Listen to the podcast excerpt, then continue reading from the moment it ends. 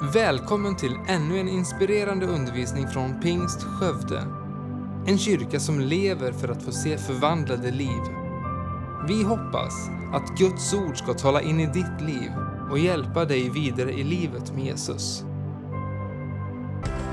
Vill du veta mer om vår kyrka eller komma i kontakt med oss så besök gärna vår hemsida www.skövdepingst.se Sven är en dyrbar broder. Fantastiskt att vara i Skövde.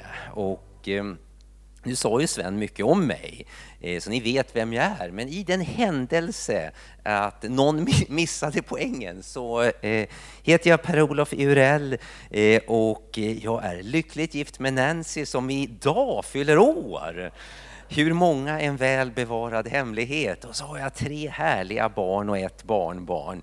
Eh, och som Sven sa så är jag civilekonom från Handelshögskolan i Stockholm, har en MBA-examen från USA och har varit, eh, jobbat i svenska storbolag i ledande befattningar, är idag VD och delägare i en mindre transaktionsrådgivningsfirma. Men när jag gick på Handelshögskolan i Stockholm så blev jag frälst.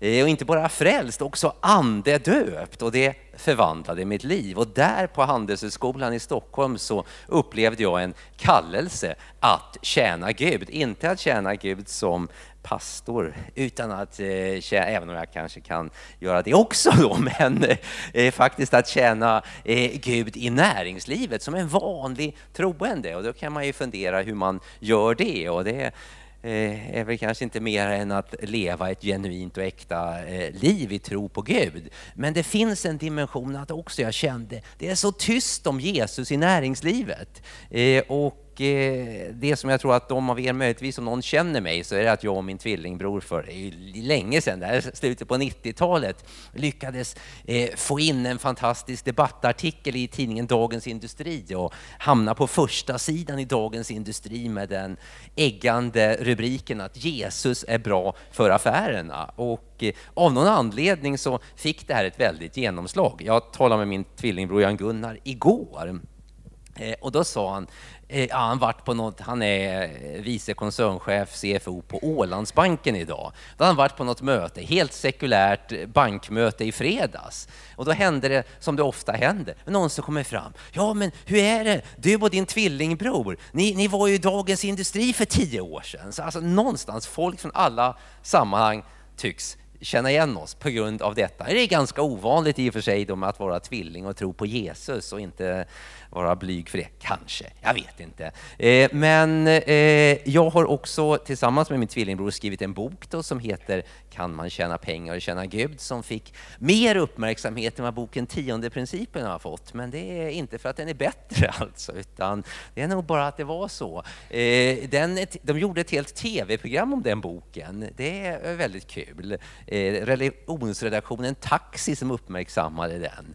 Men som sagt, jag har skrivit fler böcker och nu har ju eh, Sven gjort fin reklam och Simon Ahlstrand har med den som en julklapp här. Boken om tionde principen som har sina poänger då, tycker jag själv. Men ni får väl läsa och se, se vad ni tycker. Eh, eh det är ju ett lite kontroversiellt ämne att, eh, och då kan många uppleva att det är inte så klädsamt att just tala om pengar och tvinga människor att ge pengar. Eh, och eh, det är ingen som tvingar någon att ge och jag vill bara vara tydlig på det. Om du läser boken kommer du att se att det finns inget tvång att ge. Eh, men däremot så finns det en fantastisk princip som Gud har lagt ner i sitt ord. Jag kallar den för tionde principen. Eh, och när vi talar om den här principen när vi talar om tionde så är det väldigt svårt att, eller svårt, det är fullt möjligt, men det, är, det i alla fall känns väldigt onaturligt att inte eh, lägga grunden med att läsa ett av de mest underbara löftena som finns i Guds ord. Om vi går till Malaki, profeten Malaki, kapitel 3 och vers 10 och 9, så har vi ett underbart löfte i Guds ord. Eh, och eh, du vet hur det är med löften. Ehm, ja, kanske du ger löften till dina barn här i jul att om du är snäll så ska du få en extra fin julklapp. Eh, och då får vi hoppas att det ordet håller att du ger ditt barn den här julklappen. Men det förutsatte ju att han var extra snäll eller hon var extra snäll. Och det kan ju finnas villkor. Så kan det ibland också vara i Guds ord, att Gud ger löften. Men det fanns ett villkor, att du är inte extra snäll, men att du gör någonting. Eh, det finns en, eh, en person som då har uppfyllt de här villkoren. Det är Jesus Kristus. När vi talar om löften här i Bibeln och villkor så har Jesus uppfyllt alla de här villkoren och därför så är alla löften i Guds ord, de är ja och amen i Kristus Jesus. Och med den dimensionen, eh, att Jesus har uppfyllt villkoren och att det här gäller för dig, inte på grund av vad du gör utan på grund av vad Jesus har gjort. Låt oss läsa Malaki kapitel 3, vers 10 och 11. För in allt tionde i förrådshuset så att det finns mat i mitt hus. Pröva mig nu i detta, säger Herren Sebot, om jag inte kommer att öppna för er himmelens fönster och låta välsignelse strömma ut över er i rikt mått. Och för er skull ska jag näpsa gräshopporna så att de inte fördärvar frukten på marken. Inte heller ska vinstocken på fältet bli utan frukt, säger Herren Sebot. Visst är det ett stort, eh, mäktigt, eh, märkligt löfte som Gud ger till de som för in fullt tionde i hans förrådshus. Eh, känns nästan som det skulle vara för bra för att vara sant. Eh, men evangeliet om Jesus Kristus, det är ju de goda nyheterna som är nästan för bra för att vara sant. Så här är ett löfte att för den som för in full tionde så lovar Gud att öppna himmelens fönster. Eh, och jag kan inte annat än tänka på när läste jag förut om att öppna himmelens fönster i Bibeln? Jag, jag, tänker ju på Noas ark. Där. Då, då öppnade Gud himmelens fönster och så kom det så mycket regn. Så till slut så blev det ju för mycket regn. Alltså det, var liksom, det bara svämmade över. Och det, det är lite samma bild här. När Gud öppnar himmelens fönster, i detta fall då inte med regn utan i detta fall med välsignelse så är det, det är inte nätt och jämnt utan det är, det är mera än man kan tänka sig det är ju spännande. Det är oerhört eh, utmanande att Gud skulle nästan jaga i fatten och vilja välsigna en bara för att man vill gå i partnerskap och gå med Gud och sätta hans intressen före sina egna. Men som ni vet, man behöver inte vara ekonom för att veta det här. Skillnaden mellan om man har några pengar kvar eller inte, det är ju inte hur mycket man tjänar, utan det är också hur mycket man spenderar eller hur mycket kostnader man har. Eh, man kan ju ha väldigt höga intäkter, men sen blir kostnaderna så extremt höga så det blir ändå inga pengar kvar. Och anledningen att man har höga kostnader kan ju kan vara saker som bara liksom olyckor som händer hela tiden. Du, du fastnar och river sönder jackan jackan och bilen går sönder och du får laga den och det blev jättedyrt eller du krockar och kylskåpet går sönder och pannan går sönder och ja, allt elände händer och då, då hjälpte det inte att du hade en hög lön för det blev ändå inget kvar. Och i det här löftet här nu, eh, nu är det ju en annan tid eh, vi, vi, vi eh, lever i när, när Malaki skriver detta. Det var mer av en jordbruksekonomi. Men han talar ju om att för er skull så ska jag också näpsa gräshopporna. Eh, och det är klart, vi har väl inte några stora, jag vet inte om ni har stora problem med gräshoppor här i Skövde, jag tänker mig inte det alltså. Eh, men det står i alla fall att eh, han ska näpsa gräshopporna så att de inte fördärvar frukten och inte heller ska vinstocken på fältet bli utan frukt. Det talar om att allt det där destruktiva krafterna som gör att trots att du har jobbat så hårt så blir det ändå inget kvar för det bara liksom slits sönder och, och förstörs. Någonstans där lovar Gud också ett särskilt eh, beskydd för den som sätter Gud först i sin ekonomi. Och det är ju spännande tycker jag. Eh, Gud har gjort sånt förr, eh, alltså att han låter bli att allt går sönder och att det räcker lite längre. Eh, vet Israels barn som gick i öknen, deras skor, de nöttes ju inte ut på 40 år. Tänk om du inte skulle behöva köpa nya skor på 40 år. Är det en välsignelse eller en förbannelse? Ja, Eh, men, men Gud han är god och detta underbara löfte ger han i sitt ord. Och, eh, när man då tittar på det här så kanske du säger ja, det var ett enstaka löfte och jag känner nästan att du bygger för mycket lära på detta. Ja, jag skulle säga att just det här med tionde principen eh, och, och, eh, det går som en röd tråd genom Bibeln. Eh, och nu har vi ju en, en annan av eh, eh, förlagets författare som, som hävdar att det finns någonting som går som en röd tråd genom, genom Bibeln. Att i blodsförbund med Gud och att blodsförbund går som en röd tråd genom Bibeln. Och det är ju alldeles rätt och sant. Eh, däremot, om du gör en sökning hur många gånger du hittar just ordet blodsförbund i Bibeln. Och jämför med hur många gånger du hittar tionde i Bibeln så skulle jag hävda att jag har ett starkare case att tionde går som en röd tråd genom Bibeln. Men du eh, eh, kan ju läsa och jämföra. Eh, och jag vill bara ta dig med på en liten resa genom Bibeln och se att det här är en princip. Och det är väldigt viktigt att se att det är en princip, det är en gudomlig princip. Fastna nu inte i alla detaljer. Alltså, alla tider och alla kulturer hittar sin egen tillämpning. Så är det. Däremot så finns det eviga principer. Vänta med den. Eh, jag ska komma långt innan vi summerar. Eh, bra, Challe är på gång här alltså. Han vill betjäna mig där bak och han är ivrig. Han tycker det är dags att gå ner för landning, men det är det inte. Nej, jag har knappt kommit igång alltså. Jag har knappt kommit igång. Jag håller på att värma upp. Eh, och det är så härligt att höra Sven här, för han, han kör precis samma skämt eh, här som han körde i Märsta. han kunde inte... Eh, jag bara, jag bara satt bredvid Simon Holst här på den här uppvärmningen och när Sven började så fyllde jag i fortsättningen av meningen för jag har hört Sven säga samma sak många gånger. Så Nu ska, jag ta, nu ska jag ta igenom den röda tråden i Bibeln som... Det finns en gudomlig princip. Tänk på Adam och Eva. Se Adam och Eva framför dig, se Edens lustgård, se den enorma mångfald som Gud har skapat med tusentals träd. Det måste ha funnits äppelträd och det måste ha funnits olika sorter av äpplen.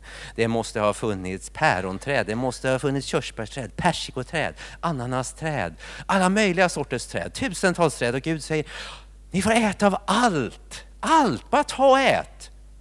Utom av det här trädet det håller jag för mig själv. Och då kan man reagera lite olika inför en sån utmaning eller en sån livssituation. Man kan reagera som du skulle göra och säga Åh Gud, du är så generös, tack för allt det här du ger mig. Jag bara, vilket överflöd, du är en god Gud. Det är ju så du tänker. Men så kan man reagera så här också. Va? Får jag inte äta av det här? Ska Gud undanhålla det från mig? Det här är inte Alltså Gud är inte god. Alltså jag tycker det här är, det är småaktigt. Jag gör väl vad jag vill, jag ska väl få äta av allt. Och här, redan här, i den här första berättelsen i Bibeln, hittar du en grund för det som vi ser som tionde principen. Det finns någonting som Gud har valt att exklusivt behålla för sig själv, som vi inte får konsumera. Eh, det är inte detsamma som att Gud är snål, ogin, missundsam. Eh, tvärtom, Gud är enormt generös. Men det finns något som han exklusivt har valt att behålla för sig själv. Allt annat och allt i överflöd får vi själva konsumera. Du ser den grejen där. Va? Eh, när du läser vidare i Bibeln så hittar du eh, nästa huvudstory är Adam och Evas barn, Kain och Abel. Eh, Kain och Abel eh, får för sig att de ska offra till Gud. Ska, eh, det kan man undra, var får de idén från eh, att offra till Gud? Den ena han var, eh, var boskapsskötare och den andra jobbade med åkerbruk. Och de kommer och offrar till Gud. Eh, och jag, jag, tror att Gud hade talat till dem. Det står i Hebreerbrevet att i tro bar Abel fram ett bättre offer. Och som vi vet, i tro bygger alltid på Guds ord. Så jag tror att det här, de agerade utifrån någon form av instruktion. Eh, och när de gör det så läser vi också att Gud såg till Abels offer, men han såg inte till Kains offer. Och då undrar man, varför? Och det kan man fundera på. Och man kan också fundera, hur såg man att Gud såg till Abels offer men inte Kains offer? Och det här står ju inte tydligt i Bibeln. Men jag tror, baserat på hur Gud mötte Elia på Karmens berg när han utmanade Baalsprofeterna, det kom eld från himlen och förtärde hans offer. Och det var tydligt att Gud var med. När Salomo dedikerade templet och man la offer på brännofferaltaren kom det eld från himlen. Och jag tror att någonting liknande hände här. Här ligger det, det då slaktade lammet som Abel har offrat till Gud. Fire! Och så ligger det lite havre och vete och kanske några moroter, äh, eh, morötter där. Och ingenting händer. Och då undrar man varför? Varför gillade Gud eh, ett lamm, men han gillade inte lite havre och vete? Är det så att han bara gillar dig om du skulle vara slaktare, men inte gillar dig om du är hårfrisörska? Är det så att man måste jobba med något som är blodigt för att det är blod som Gud är ute efter? Ja, blod, det vet vi, det är blod. Nej, jag tror inte det handlar om det. Därför att här är det ju några som ger utifrån sina olika yrken. Det är inte så att ett yrke är bättre än ett annat. Och alla offer i Bibeln är inte blodsoffer. Allt är inte blodsförbundet, men mycket är blod. Eh, här konkurrerar vi alltså om tionde har en större plats i Bibeln än blodsförbundet. Men det är inte i konkurrens, det är inte antingen eller, det är både och. Eh, det är i förbund med Gud och när vi är i förbund med Gud så kommer de här principerna att bli ett utflöde i ditt liv. Jag tror att det som var avgörande för att Gud såg till Abels offer var med vilken attityd han gav. Det står att han gav det förstfödda och det feta. Han gav alltså det första, och det första representerar det bästa. Och så han gav det feta, och det var lätt att ge, det vill väl ingen äta. Men så var det inte i den kulturen, att ge det feta var också att ge det bästa. Så Abel gav det första och det bästa, medan det står om Kain, han bara gav av sin säd. Och här börjar vi se en princip. Vi har sett en princip, att det finns något som tillhör Gud. Av allt får vi konsumera, men det finns något som tillhör Gud. Och vi ser att när vi ger tillbaka till Gud för att erkänna att det är han som är alla goda gåvors givare, så är det med vilken attityd? En av tacksamhet att ge det första och det bästa, det gillar Gud. En som gör det lite motvilligt, det, det funkar inte. Eh, första gången vi stöter på ordet tionde i Bibeln så är ju när vi eh, får Abraham på scenen. Abraham kallas trons fader eh, och i en väldigt dramatisk händelse så möter han Melkisedek som är en, eh, en kung och en präst som dyker upp på scenen. Omständigheterna är den att eh, Abraham har kommit in i löfteslandet. Han och hans brorson Lot har haft så stor välsignelse så de, de får inte plats med sina boskapsjordar båda två. Så de får dela på sig och Lot får välja först. Han går till Sodom eh, och Gomorra, för det var ett mer attraktivt nöjesliv där och det var bättre eh, ekonomiska förutsättningar, medan Abraham drar till Hebron. Efter ett tag så kommer fienden in i landet, fem kungar som har gått ihop i en militärallians. De går in och rövar och skär och går mot Sodom och Gomorra, tar eh, Lot som, som krigsfånge, tar ett stort krigsbyte och drar därifrån. Och på natten kommer någon som har undsluppit det här springande till Hebron och berättar för Abraham vad som har skett. Och Abraham grips av en helig vrede över detta och sätter av med sina 318 tjänare. Och mot alla odds, mitt i natten, hinner han ifatt de här eh, övermäktiga eh, fiendeherrarna som nu är, är druckna och firar segern. Och mot alla odds lyckas han befria Lot och få med sig allt krigsbyte. Det här är ett under, det är en övernaturlig seger han vinner. Och när han kommer tillbaka in i löfteslandet så möts han av denna Melkisedek som beskrivs som kung och präst i Salem. Eh, och bara det att han var både kung och präst är väldigt ovanligt. Man var antingen eller. Att han är kung och präst känner vi igen i Jesus som var både kung och präst. Han var det i Salem, och det är då inte Salem söder om Stockholm i Rönninge, utan det är Jerusalem. Så här är någon som är kung och präst i Jerusalem. Han kommer ut med bröd och vin och möter Abraham. Precis, bröd och vin. Vi känner igen det för eh, vad vi ska göra idag. Det är väldigt tydligt att detta är en, denna Melkisedek är någon som representerar Jesus. Och dessutom så finns han utan släkttavla, står ingenting om var han kom ifrån och efter den här händelsen står han inte omnämnd igen. Så han är utan början och utan slut. Kung och präst i Jerusalem kommer ut med bröd och vin och Abraham ger honom tionde av allt, står det. Här har vi en fantastisk... Varför ger han just tionde? Jag tror det var en inspiration av Gud. Och här kan du se hur Bibeln gradvis lyfter fram olika principer. Vi har sett att det finns något som vi inte ska konsumera själva, som tillhör Gud. Vi har sett att, att ge av tacksamhet och ge det första och det bästa, det är det som eh, triggar någonting hos Gud. Och nu ser vi just tionde, att det skulle vara en tiondel som skulle vara en lämplig del att, att visa detta eh, erkännande av tacksamhet till Gud. Det uppenbaras här. Då kanske du säger, ja ja, men det här var ju en engångshändelse. Abraham var ju extremt rik. Han hade jättemycket boskap och massor av förmögenhet. När ser du att han eh, varje söndag eller varje månad gav sitt tionde eller vid varje skördetid? Nej, det ser du inte i Bibeln. Eh, och det är väldigt enkelt, därför det fanns inget gudstjänstliv att finansiera. Det fanns inte det.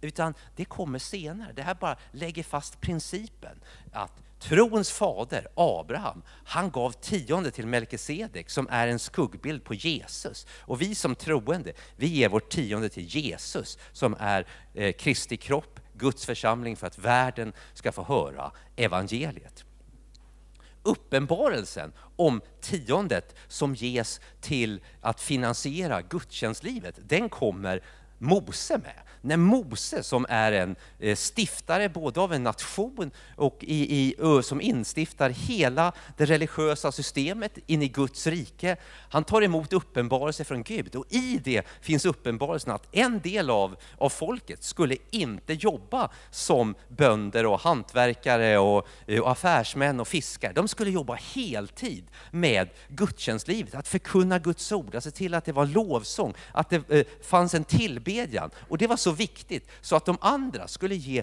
10 procent, tionde, för att finansiera gudstjänstlivet. Så den här uppenbarelsen kommer genom Mose. Och det är därifrån vi har principen att vi som eh, jobbar sekulära arbeten, vi ger av det vi tjänar för att man ska kunna få människor som avsätter tid, kvalitetstid, att jobba med gudstjänstlivet, med ordets förkunnelse, med bön, med socialt arbete. Det, där kommer principen ifrån. Och då säger du, ja, men det är mycket konstiga regler i, i Moseböckerna. Mycket konstigt. Ska, man, ska det verkligen vara så här? Och då säger jag, fastna nu inte i detaljerna. Det här var detaljer givna till en nation vid en viss tidpunkt i historien. Eh, titta på principen. Och nu lever vi i Skövde 2014. Och det är klart att det handlar inte om att ge tionde av säd och olja och vin. För det är inte så vår ekonomi ser ut. Då. Men syftet att vi, vi är med och finansierar för att kunna bygga en starkt gudstjänstliv, en stark församling. Det gäller. Och när du går vidare genom skriften eh, och ser så kan du se genom hela Israels historia att när det gick dem väl efter ett tag så började folket känna det här funkar ju bra. Spelar inte så stor roll om jag ger mitt tionde eller inte. Det är starkt gudstjänstliv, det funkar bra. Och istället börjar de finansiera egna projekt. Och då hände någonting. Då försvann de här som var anställda in i församlingen. De var tvungna att ta, ta jobb utanför. Och plötsligt blev det ett väldigt svagt församlingsliv. Och med ett svagt församlingsliv var det ingen som gav andlig styrka åt folket. Och de blev andligt svaga, förvärldsligade, avfälliga. Och så rasade hela nationen. Och så kommer det någon kung som med hjälp av någon profet får tag i Guds ord och ser men vi har ju, det här går ju inte. Vi måste sätta fart på tiondegivandet. Och så driver man på att ge ett fullt tionde. Och när folket ger tionde så kan man igen återanställa eh, folket in i församlingen och då blir det väckelse och så blomstrar livet. Och så här funkar det. Under tiden i Märsta, när, när Sven var där och vi hade väckelse, så ökade givandet nå enormt. Eh, och, det, det, och det hängde samman med att det var väckelse. Och det hängde samman med att vi, vi predikade också en tionde princip. Och människor fick uppleva på något sätt att det blev en positivt flöde. Och det, här, det här är en gudomlig princip. Eh, och du kan säga, jag gillar inte den principen, jag tror inte på den principen. Det står dig fritt att göra. Men eh, det är en gudomlig princip. Och när vi tittar vidare i skriften också så kan du se profeterna. De, det är inte bara Malaki som är en profet, det är andra profeter som säger någonting om tionde. Och det de säger är kanske inte alltid så kul, för de eh, går oftast till rätta med folket. Vi har en kille som heter Haggai. Han går och säger, ja, jag ser att du håller på med en omfattande badrumsrenovering syster. Och du broder, nu ser jag att det, det är köket som renoveras. Men har du sett eh, eh köket här i kyrkan och badrummet? Tycker du det är rätt att det liksom ser ut så i kyrkan? Ganska här, krävande. Va? Och vi har en, en som heter Amos. Han, eh, han kommer och säger till dem nu hade de äntligen fått ordning på, på sång och musiklivet i kyrkan. De hade fått bort amatörerna, de fått in proffsen. Det var kvalitetsmusiker som verkligen hade det rätt. Borta var de här som bara sjöng ifrån hjärtat, enkla bibelkörer, utan nu var det proffsmusiker. Och man kunde med stolthet bjuda med folk utifrån. Och så kommer profeten Amos och han bara säger, ta bort era harpors buller. Harpors buller? Ja, han imponeras inte av det här yttre. Han ser på hjärtat, därför att Gud ser på hjärtat. Och Amos säger också, när de, ni för in full tionde, men det är synd ni lever i. För han såg till hjärtat. Och det här är en jätte, jätteviktig princip, att, att givande i största allmänhet och tiondegivande, det handlar inte om matematik och teknik. Det handlar om hjärtats inställning. Eh, och nu har jag ju då undervisat på en bibelskola i biblisk ekonomi tillsammans med Sven i många år, men även på andra bibelskolor. Och då tangerar man ju också ämnet tionde. Och jag har varit ute och predikat. Det kommer nästan alltid fram folk och ställer frågor. Och det är sådana här frågor. Ska jag ge tionde före eller efter skatt? Ska jag ge tionde nu på, på min pension? Ska jag ge tionde på det jag fått från Försäkringskassan? Ska jag det är jättetekniska frågor. Eh, och jag har full respekt för frågorna. Men lite grann det är icke-frågor, därför att Gud ser på ditt hjärta. Det är där det handlar om. Du kan räkna ut på öret liksom precis rätt och skatteåterbäring och allt, men du gör det med fel motiv, så har det inte det värdet. Det är inte där vi talar. Och du kan kolla på Jesus som ju är vårt, vårt fokus här. Eh, han eh, gick till rätta med skriftlärde och fariséer. Han ser, säger, ni ger tionde av dill och mynta och kummin. Men ni försummar det som är viktigast. Rätt, rätt och barmhärtighet och trofasthet. Det ena ska ni göra lika väl som det andra. Han sa att det är rätt att ge tionde, absolut. Men här hade de blivit så fanatiska så de tog varenda dillkvist och liksom, eh, eh vägde upp dem eller räknade hur man skulle göra. det är liksom ointressant, ni är på fel detalj. Det är liksom hjärtat det handlar om. Det är där vi måste se, det är liksom ett hjärtats utflöde. Inte att räkna rätt på grammet dill eller ta den minsta dillkvisten eller den största som var tionde. Eh, och den här principen hittar du också i det är väldigt tydligt, hela Nya Testamentet, det Paulus slår fast som en evig princip för oss som bygger församlingar. Att den som predikar evangeliet ska leva av evangeliet. På samma sätt som leviterna i Gamla Testamentet levde på tiondet, så ska de som predikar evangeliet, de som jobbar i församlingstjänst, vara finansierade via tiondet. Och detta är en evig princip, det är ett sätt att bygga starka församlingar. Så om jag summerar nu, Challe, Heter du Challe? Ja. Så, detta är principen. För det första, det är en gudomlig princip. Ibland lyfts den upp och blir till lag, som den blev i, i nationen Israel. Eh, men det är en princip. Och i vissa sammanhang och i vissa tider får den olika utformning beroende på omständigheter. Men det är framförallt en princip. Den tar fasta på förvaltarskapstanken. Att allt vi har här på jorden har vi fått av Gud. Det är inte vårt eget. Det är så med dina barn. Eh, de har du fått av Gud. Du ska se till att de växer upp och blir självständiga och starka. Eh, och allt vi har. Och genom att, när vi har fått vår lön, eh, att ge tillbaka en del till Gud, ett sätt att bara visa, det kommer från dig Gud, jag ärar dig. För det tredje så handlar tiondeprincipen väldigt mycket om ansvarsfull delaktighet i finansieringen av Guds rike. Det är så att vi alla när vi blir medborgare i Guds rike har vi ett ansvar att leva ut eh, både missionsbefallning och ta ansvar för att Guds rike utbreds och blir starkt. Och 10 procent, det är ju en härligt riktmärke, en miniminivå. Men jag tror inte man ska stirra sig för blind just på, på den exakta matematiken. när vi talar om tiondegivande och hittar de bärande principerna här så handlar det om ett frivilligt givande.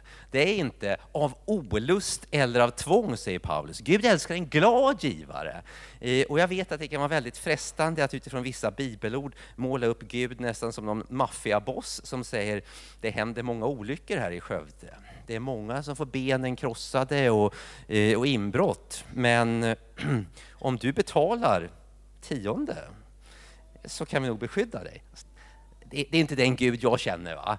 Så vi släpper det, den bilden av Gud. Utan eh, nu, nu talar vi om en Gud som är alla goda gåvors givare och som vi, vi får bara utav kärlek ge av, inte olust och av tvång. Och att ge till Gud är ett sätt att ära honom. Det är ett sätt att ära honom. Och naturligtvis, men eh, så är detta en inkörsport in i givandets välsignelse. När vi sätter Gud först på livets alla områden, när vi sätter Gud först i vår ekonomi eh, och avskiljer eh, eh en del av eh, vår, våra inkomster till att finansiera Guds rike, då händer någonting. Då skjuter Gud på. Och jag vill avsluta med att bara ge eh, mitt eget vittnesbörd när jag började som tiondegivare och jag tror att eh, jag har upplevt många andra eh, under i mitt liv och det har du säkert också gjort. Men det finns ju något speciellt med första gången. Det är alltid härligt när första gången man ser Gud svara upp mot ett löfte. Som jag berättade för tidigare då så blev jag frälst på Handelshögskolan i Stockholm. Eh, sen fick jag ett Fulbright-stipendiat eh, och fick åka över till USA och ta en Master of Business Administration-examen eh, där. Och då kom jag med i en, en församling där, en härlig pingstförsamling av pionjärkaraktär. Och där talar de om att man skulle ge tionde. Jag hade aldrig hört det. Så tionde och läste den här Malaki-texten. Jag, jag blev inte triggad av det. Men varje söndag så, när man skulle ge kollekten där, så jag var student, jag hade inga pengar. Jag hade ju inga lön. Jag liksom, ja. Så jag gav en dollar, men jag kände liksom, jag längtade verkligen till den dagen jag skulle få ett riktigt jobb och kunna få ge tionde. Bara för att jag ville vara med. Jag kände att det är så viktigt. Mitt liv hade blivit förvandlat i mötet med Jesus. När jag blev döpt och särskilt andedöpt så bara det fanns inget som var viktigare, så jag längtade till den dagen jag skulle få ett riktigt jobb. Så jag blev färdig i, i USA och åkte hem till Sverige. Brorsan fick jobb på, på bank, SEB. Jag kände det räcker med en av oss i bankvärlden. Så jag tackade ja till ett jobb då i Hallstahammar, där jag fick jobb på eh, den förnämliga eh, skyskrapan. Vi har en bild här som illustrerar, jag har varit i USA och då har jag sett skyskrapor som var upp till himlen. Men i Hallstahammar, som ni kanske vet ligger i Västmanland fanns ett sexvåningars hus där Kantal, som var ett börsnoterat bolag, hade sitt huvudkontor. Och där började jag jobba som assistent åt vice VDn till en fantastisk månadslön på 7500 kronor. Och jag minns fortfarande glädjen när, eh, när jag fick eh, eh första lönen och kunde ge 750 kronor in i församlingen. Vilken glädje! Sen lite senare så kom det över ett gäng amerikaner till Sverige på missionsresa till Sverige. De kom från en församling jag varit med i, men pastorsfrun hade tagit med sig sin stora syster och lilla syster ut från västkusten. Stora syster var gift, men lilla syster var ogift. Det är min nuvarande fru Nancy. Där har ni henne på bild när vi träffades då, sommaren 1984. Det är 30 år sedan. Och jag upplevde detta är ju Guds gåva. Så vi, vi eh, kopplade med varandra och så åkte hon tillbaks till Seattle, där hon kom ifrån. Och så kände jag wow, och eh, vad ska jag göra med detta? Och jag upplevde att Gud ändå manade mig att ta steget vidare. Så i tro eh, så friade jag till Nancy, gjorde det mycket romantiskt via, där är före internet, Skype och annat, via postens ljudkassett. Man talade in ett meddelande och skickade. Och Nancy ringde tillbaka och sa yes. Och så köpte jag en, en flygbiljett, åkte in till Västerås, det var närmaste storstad. Köpte då en flygbiljett, före avreglerat flyg, det var dyrt. Men jag betalade 10 procent i någon sån här deposition. Och så skulle jag åka över till, till jul och nyår och förlova mig då. Men bara tiden gick och den gick väldigt snabbt. Och jag konstaterade, här, jag har inte de här pengarna. Eh, en dag, eh, jag brukade alltid bli uppkallad till sjätte våningen på högsta i skyskrapan satt koncernchefen och vice koncernchefen. Och då, de hade varsin sekreterare och då ringde sekreteraren som heter Pia och sa Okej, okay, direktör Forsberg vill att du kommer upp. Så då åkte jag upp. Ja, vad vill du jag ska göra? Och så, så. Men en dag kom han ned på mitt kontor på fjärde våningen. Får se ett foto på Nancy och frågar Vem är detta? Ja, det är min fästmö, säger jag. Jaha, var kommer hon ifrån? Ja, USA. Var i USA? Seattle. Jaha. Mm. Är det något vi kan göra för dig, undrar han. Och jag tänker så här, jag, jag tror inte det. Mm. Och så, så, funderar han på det där själv, då, så man liksom funderar på sin egen fråga. Vi kan ju inte köpa ett dotterbolag i Seattle bara för att du har kärat ner dig. Eh, han fattar ingenting. Eh, men vi har ju ett dotterbolag i Connecticut. Du kan göra så här. Gå och tala med Pia, sekreteraren, så ber du att hon bokar en biljett. Så åker du ut och besöker Nancy över jul och nyår och sen kan du efter det åka ut till Connecticut och jobba en vecka på vårt dotterbolag. Jag bara, Va? Kan man göra så här? Mina föräldrar jobbar i kommunal förvaltning och det liksom det här. Jag, jag kunde inte tänka mig tankarna. Men jag minns bara att han gick därifrån och då fattade jag detta är Gud, jag har ju gett tionde. Så jag stängde dörren efter mig på fjärde våningen och när han gick ut så eh, kunde jag inte annat än att ge uttryck för den svenska vikingkaraktären. Jag bara hoppade högt och ropade halleluja! Och så åkte jag över och förlovade mig med Nancy eh, och upptäckte att Nancy har en väldigt god smak, alltså fantastiskt god smak. Men smakar det så kostar det. Och, eh, jag köpte också eh, vigselringar och förlovningsringar och planerade bröllop. Och jag kom tillbaka till Sverige fullständigt utblottad, men mycket nykär. Och då hade hon drömmen att flytta till Sverige, eh, som missionär till Sverige. Det, den förstår vi att alla när. Eh, och så skulle, hon, skulle vi gifta oss till sommaren, eh, och vi skulle gifta oss i USA, och så skulle hon flytta till Sverige. Och nu tänkte jag, jag gör inte om samma misstag två gånger. Jag går inte och köper en biljett, för de där 10 procenten jag hade betalat, de var ju bortkastade. Så jag gick där och sa, aldrig, Gud förser. Min Gud ska med sin härliga rikedom i Kristus Jesus fylla alla mina behov. Och dessutom är jag en tiondegivare i förbund med Gud, i blodsförbund med Gud. Jag hade också börjat plocka upp undervisning om blodsförbundet på denna tid. Så det, det byggde min tro väldigt mycket. Eh, och så kom det, tiden gick. Mamma och pappa köpte flygbiljett, brorsan köpte flygbiljett, alla köpte flygbiljett. Jag, jag kom i den situationen att eh, det kändes som att om jag inte köper min flygbiljett på måndag, vilket jag inte kunde göra för jag hade inga pengar, så missar jag mitt eget bröllop då på en söndag eftermiddag, nu är vi, jag ska gifta mig i juli, 13 juli, söndag eftermiddag ringer min chef, han som brukar sitta på sjätte våningen och säger P.O. kan du komma hem till mig? Och han, det var sån att man lydde. Ja, visst. Så åkte jag hem till honom i direktörsvillan i Hallstahammar och så sa han, vi har problem i vårt dotterbolag i USA. Ja, ja, vi har bestämt oss för att sparka vdn, sparka produktionschefen, sparka ekonomichefen. Fundera, vill du bli ekonomichef? Eh, jaha, jag var 25 år då och jag tänkte, ja, men så insåg jag plötsligt att jag har ju vissa poänger här. Det skulle innebära att jag fick hela min resa över till USA, till bröllopet, finansierad istället för som Nancy drömde om att komma till Sverige och jag skulle försörja henne då på 7500 kronor i Hallstahammar medan hon gick svenska för invandrare. Skulle vi nu flytta till Connecticut, jag skulle få lön som ekonomichef i USA och liksom helt andra förutsättningar. Så jag kände, det här är ju Gud. Men så sa direktör Forsberg då, för han visste att jag var frälst. Ja, du får väl ransaka hjärta och njurar, det var hans sätt att be om det här, så får jag ett svar imorgon. Och då ringde jag Nancy. Hon var lite besviken faktiskt, för hon tyckte hon hade sett fram emot ett liv i Sverige. Det har vi ordnat senare. Men jag bara lyckades övertyga henne att detta var Gud. Och där löste Gud mina, på ett sätt som jag bara kände, Gud, löftena håller. Och det vill jag dela med till dig innan vi går in i en förbundsmåltid. Vi är i blodsförbund med Gud. Vi är i förbund med Gud. Och här ska vi ha gemenskap med Gud på riktigt. Eh, och är det så att du känner att du i samband med det vill också koppla lite starkare, omskära din ekonomi, fatta heliga löften eh, om att faktiskt låta din ekonomi till synes bli mindre genom att sätta av 10 procent till Gud så kommer du få uppleva att Gud kommer att överraska dig med sin godhet. Men om du inte känner för att göra det så är det ett erbjudande av fri vilja. För Gud tvingar ingenting, men han är en god Gud. Ska vi gå in i nattvardsfirandet och prisa Herren? Tack för att du lyssnat. Titta gärna in på vår hemsida www.skövdepingst.se för att få veta mer om oss. Och glöm inte att du alltid är välkommen till vår kyrka.